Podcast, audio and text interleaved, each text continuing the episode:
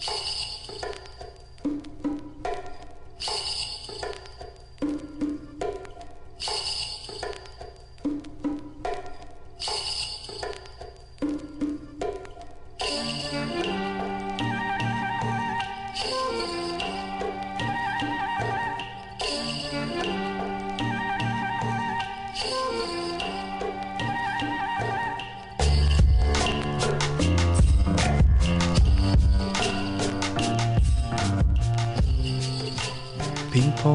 diplomacia er hugtak sem sprettur út frá einum atbyrði sem átti sér stað á sjönda áratug 20. aldar.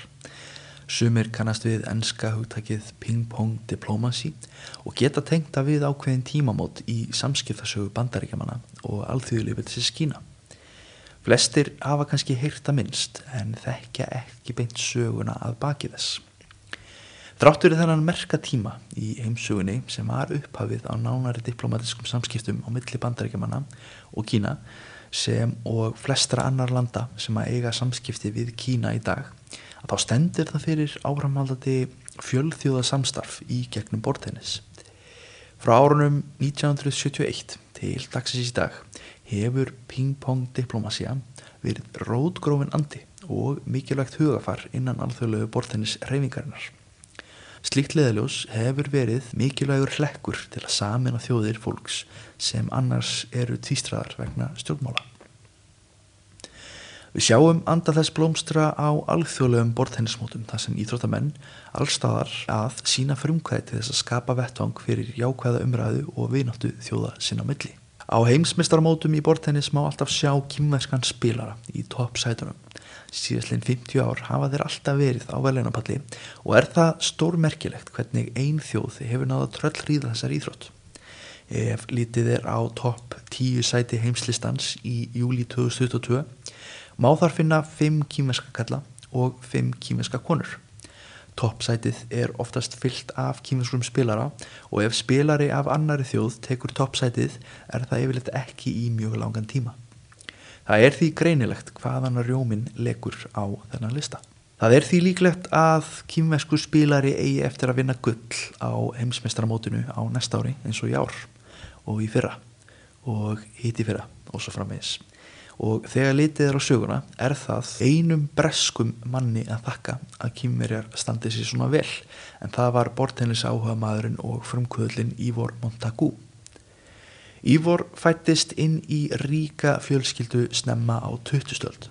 Fjölskyldan var eina af fáum miljónamæringum Breitlandsega á þessum tíma og hafði hann því getað valið mjög þægilega og hefðmundna leið í gænum lífið. En Ívor var engin venjulegur miljónamæringur. Þegar hann var bann leik hann sér í kringum konungsfjölskylduna og beigð hans ferill í bankakerfinu eða stjórnmálum eftir háskólan. Bróður hans Ívor fylgdi uppskriftinni sem flestir miljónamæringar á þessum tíma fylgdu og átti hann góðan ferill eftir að hafa klára lögfræðinám í Cambridge og þjónustu í hernum. Ívor var samt jafn orku mikill og bróður hans en fór samt eftir sínum eigin leiðum. Hann var hrifin af sósælisma og þrátt fyrir að hafa verið miljónamæringur taldi hann sig vera kommunista. Eftir byltingun hans Lenin árið 1917 sem lagiði undir sig rúsneska keisardæmið veldi hann fyrir sér hvort slíkt væri hægt í Englandi og fyltist hann eldmóð byltingamannsins. Á tímum sittni heimstyrjaldarinnar starfaði hann sem njúsnæri fyrir sovjetmenn, hann bylti avantgard kvikmyndasennunni í London, vingjaðist við fræða kommunista eins og Trotski og giftist konu sem var að vennjulegri verkamanna fjölskyldu. Þegar hann gifti sig ákvað fadir hans að neyta honum aðgang að auðæfum fjölskyldunar bara vegna þess að hann giftist ekki konu sem var á sömu stjett og hann. Þrátt fyrir öll þessi æfintri hans hafði hann hvergi meiri áhrif en innan alþjóðlega bortennisabassins sem hann einmitt stopnaði. At Wembley, the Table Tennis Championships of England. Dark-haired Richard Bergman, the newly crowned world champion, meets Michel Hegenard of France in the men's final. After a thrilling opening, Bergman comes out leading two sets to one and now turns on the pressure in this, the decisive set. Though he loses this point to make the score 20 to 8, the Englishman is now at his best. and with nonchalant ease gets ready to smash home the winner. Snemma á 2000 var bortennis vinsæl berskuleikur sem stundaður var í matabóðum. Eftir mat var fjarlægt allt leiri tau af borðinu og í staðin var borði nýtt til að spila tennis innan hús. Þetta byrjaði í Breitlandi en breyðist svo snögglega um allan heiminn. Ívor var 17 ára þegar hann stopnaði alþjóða bortennisambandið á öðrum áratugi 2000 aldar. Fjórum árið síðar var hann e, fossetið þess og gengdi hann þeirri stöðu í nánast 40 ár. Á einum áratug náði hann að breyta borðtennis úr einföldum leik sem spilaði var heima á, mataborðum fólks í samkeppnishæfa íþrótt með alþjóðlega skilgrindar reglur. Hann elskaði hvað borðtennis var einföld og ódýr íþrótt sem nánast var hægt að spila allstaðar innan þeirra. Þetta þýtti að fátakasta fólkið sem og ríkasta fólkið gæt spilað íþróttina e, þar sem þú þurfti bara borð, tvo spaða og kúlu. Table tennis is a game of spin. Here's top spin. You brush the bat up or over the ball. The rubber pimples on the modern bat enable it to get a momentary grip on the ball and to impart a spin to it. Top spin causes the ball to dip sharply in flight after the initial rise. Árið 1924 gaf Ívor út bókina Bortennis í dag. Í þeirri bók voru bortennisreglur skrifaða niður í fyrsta skipti en spilarar máttu nota hvað sem er til að spila íþróttina. Í dag spila ég til dæmis stundum með snjálfsíma í staðan fyrir spaða en á þeim tíma notaði fólk kannski skóna sína eða skiptilikil sem fannst í verksmiðjum hverju sinni. Margar íþróttir á þessum tíma voru einungis aðgengilegar fyrir ríkafólkið og elituna en bortennis var íþrótt litlamannisins. Stuttu eftir að alþýðilífildi Kína var stopnaður 1950 sendi Ívor Montagu bref til Má Formans og skánu til hamingjum í nýju ríkstöðuna sína. Bortennis var vinsælt í kommunistaríkinu Kína sem var þekkt undir nafninu Ping Pong eða á kíminsku Ping Pang Chou. Ívor myndist á í brefi sínu að Kína gæti orðið sterkur keppinutur í bortennis á alþjóðsviðinu. Má var sammála en það spilaði hann íþróttina af kappi þegar hann fann tíma til. Á þessum tíma voru alþjóðleg íþróttasambönd ekki mikið fyrir kommunista stjórnir og síndu þeim í nánast engan áhuga. Ívor hundsaði það eins og honum var lægið og ferðaðist hann til Peking árið 1952 til þess að fylgjast með bortennismóti sem var haldið þar í landi.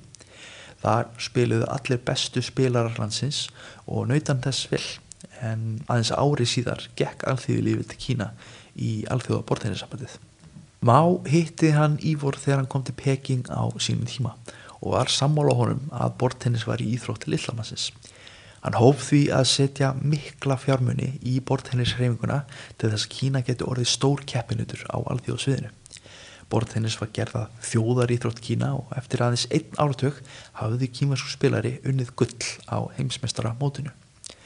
Eftir þann sigur ákvað Ívor að halda heimsmeistaramótið í Peking árið 1961 og síðan þá hafa kímersk spilarar verið bestir. Á tímum kaldastriðsins höfðu Bandaríkin og Kína ekki átt í neinum efnahagsni diplomatiskum samskiptum hátt upp í 20 ár. Þetta var erfiður tímiða sem heimurinn var nánast skipt í tvent, vestur Evrópu og Bandaríkin með líðræðislegar hugmyndir sínar og síðan Sovjetríkin eða Kína þar sem sósjalmarxismi var ráðandi hugmyndafræði. Þegar heimsmeistramótið í bortennis átti sér stað árið 1971 í Nagoya-borg í Japan komu keppendur allstaðar að í heiminum. Leikmenn fór bæði bandaríkunum og Kína voru viðstættir en bandaríkamönnum gekk ekkert sérstaklega vel á þessu móti. Hvernig landslið Kína stóð sér best á mótinu og unnu þær í öllum sínum flokkum, einliða, tvíliða og tvendaleik líka. Kímerska kallalandsliðið gekk ekki eins vel fyrir utan hann Zhang Xielin en hann var með heimsmestrarnum í einliðaleg henni Lin Hui-Ching í liði og hefði hann líklegast ekki unnið nema hún væri við hans hægri hönd. Svíin Stellan Benton sigraði karlaflokkin og var það í fyrsta skipti sem Svíi vann gull á heimsmestramóti í bortennis en alls ekki það síðasta. Síðan þá hafa Svíjar verið næst upplöðasta bortennistjóðin á eftir kýmverum til dagsins í dag. Þrátt verir lélegt gengi karlalansins Kína og bandaríkjumanna áttuð þeir samt eftir að vera hvað þekktastir eftir mótið.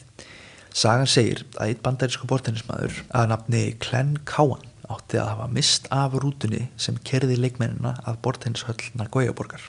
Þá voru góð ráð dýr en á fyrra bræði bauð kýmveski bortennisleikmaðurinn Zhuang Zedong honum far með sinni rútu en kýmveska landsliðið byðu öll en þá sultuslög í rútskilinu eftir sinni rútu. Þessi uppákama leiti til þess að Glenn og Zhuang náðu að mynda ágætis vinatengsl þeir spölluðum hitt á þetta á leiðinni að höllinni. Þegar þeir komið að kefnishöllinni fóru þeir félagar saman úr rútunni sem greip aðtikli blaðmanna sem voru viðstættir. Enda kýmverjar vanir að ferðast einir án afskipta annara á stórmótum. Zhuang hafði gefið Glenn silkiklút með útsaumaða mynd af gulafjalli sem er eitt helgasta fjall Kína. Glenn hjælt upp í klútinum fyrir blaðmennina sem umgrindi þá til að sína gjöfina sem hann fekk frá Zhuang en þessi mynd átti síðan eftir að ferðast um heiminn eins og stormseipur og gjör breyta alþjóða samfélaginu. Á meðan heimsmestaramótinu stóð spölluðu kýmvesku og, og bandarísku spilararnir áfram saman og, og nýttu blæðamenn séð þetta takkifæri er þeim mynduð þessi augnablík. En við getum séð þessa myndir í dag.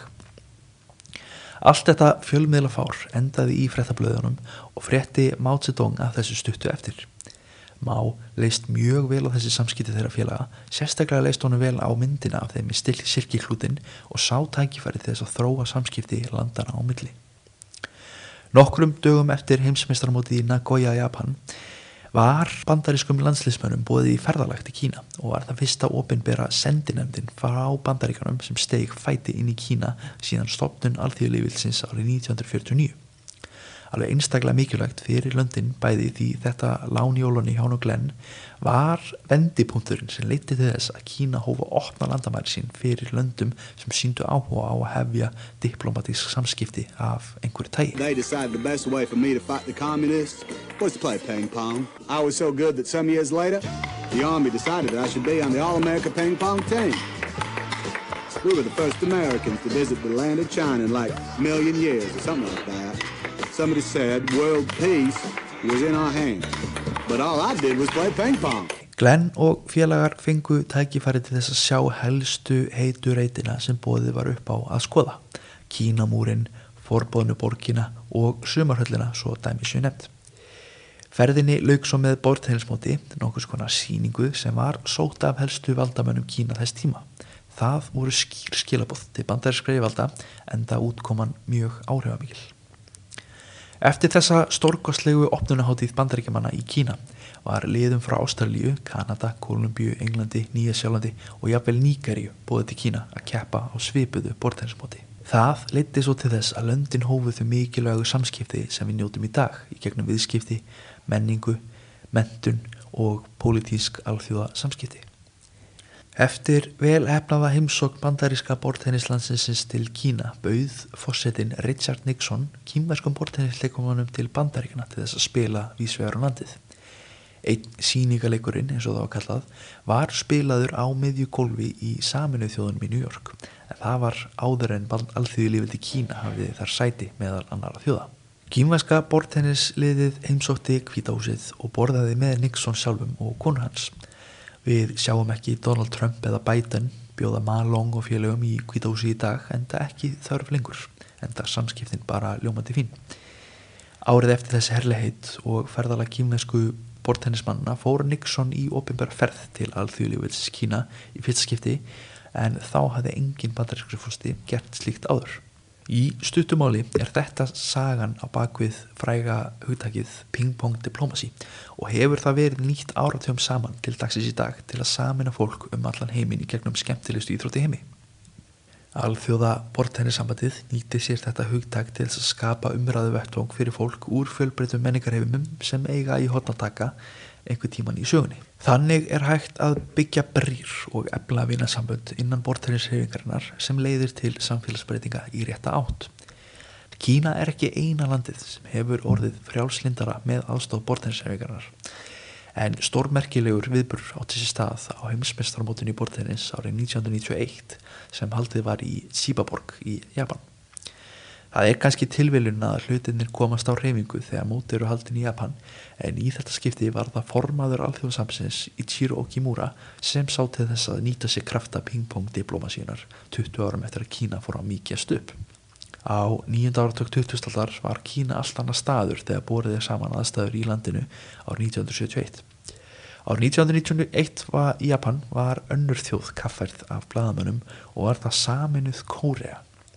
Eins og flestir vita hefur Kórea síðan á 5. áratug 2000-aldar verið skipt upp í norður og söður. En það stoppaði ekki ping-pong diplomatan hann Ichiro Okimura frá því að láta drömmisinn vera að veruleika.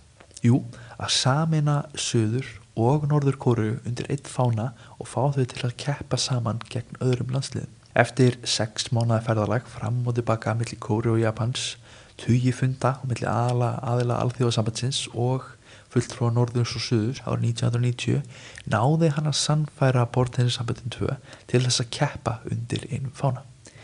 Kórisku löndin höfðu fyrir þann tíma aldrei kæft saman undir slíkum kringustæðum í nokkur íþrótt þannig að þetta var stór stökk fyrir Granríkin 2 sem en, eru ennþá dag í dag í ofinberlega í stríði. Kýmverska kvennalandsliðið í tvíleðileik mætti saminæðri Kóriu í úslitum þetta árið og vitimenn kórisku konunnar unnu. Stóðu uppi saminæðar og skreittar gulli á velunapallinum í fyrsta skipti í íþróttsögunni.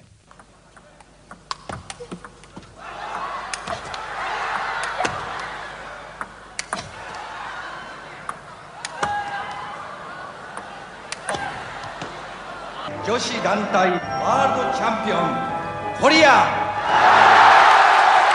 20 árum síðar, árið 2011, í ljósi þess að tveggja áhugaverðra atbyrða, var aftur haldið í tilrunastarfsemi til þess að samina tvístraða þjóðir sem eru í raun bræður og systur. Kórea saminaðist aftur undir eitt fána, Bandaríkin og Rúsland líka sem og Pakistan og Indland. Þetta var vendipunktur í nútíma sögu bortennisreifingarinnar og sjáum við meira af mótum af þessu tægi í dag. Bortennisleikmenn eru allir jafnir þegar þeir koma að borðinu og byrjar hver lóta 0-0 sama hvað. Reynd er að halda pólitískri umræðu af borðinu en það þýðir samt ekki að bortennisreifingin get ekki haft áhrif og sendt fremsanleg skilabóð. Fyrir árið 2011 voru það aðalega skipulegitu móta sem reyndu að samina liðin án þess að leikmenn tóku sérstaklega þátt í því að móta ákvörðuna sjálfur. Sátirifkraftur skipulegita hafði áhrif á menningu alþjóðlegar móta og eru leikmenn farnir að taka friðsamlegar og diplomatiskar ákvarðanir í fyrðabræði sem stjórnir borteinsreifingana þurfa að vega og meta áður en það er samþygt á stórmótum. Árið 2018 á heimsmeistaramótinu í Halmstad áttu leikmenn Norður og Suðu kóru að keppa gegn hvort öðrum en ekki undir sama fána eins og það hafi gerst nokkur sinnum áður vegna áhrifra sterkara liðtóa innan alþjóðarhefingarnar. Aftur á móti, þegar að leikmenn mættu í höllina, neituðu þeir að keppa á móti hvort öðrum og ákvaðu að keppa frekar í sama liði. Slíkt hafði aldrei gest áður að leikmenn taki þessa ákvörun innaborðs án þess að án, án áhrifa að ofan. En það tók það smá tíma fyrir ITTF að gá að reglunum áður en það var loks samþygt. Aðeins tveimur dögum áður hittust fórseta landana tvekja þeir Kim Jong-un og Moon Jae-in og þeir knúsu kvotnanan og gengu leiðandi hönd í hönd við landamæri hvers annars. En þetta hefur líklega haft áhrif á þessa ákvörðun spilarana. Stopnandi alþjóða bortennisafansins Ívor Montagu sagði að íþróttir væri besta leiðin fyrir mannkynnið að auka frið og bræðaralag í heiminum. Þannig getur við hort fram á við með bjart síni og von fyrir alls mannkinn. Ívor hafði rétt fyrir sér og sjáum við áhrif reyfingarnar um heim allan. Hann var mikil frumkvöðl og er þekktur í Kína sem guðfæðið bortennisreifingarinnar en þöksi hans spila hundruðir miljóna manna íþróttina á öllum hornum hjálpar.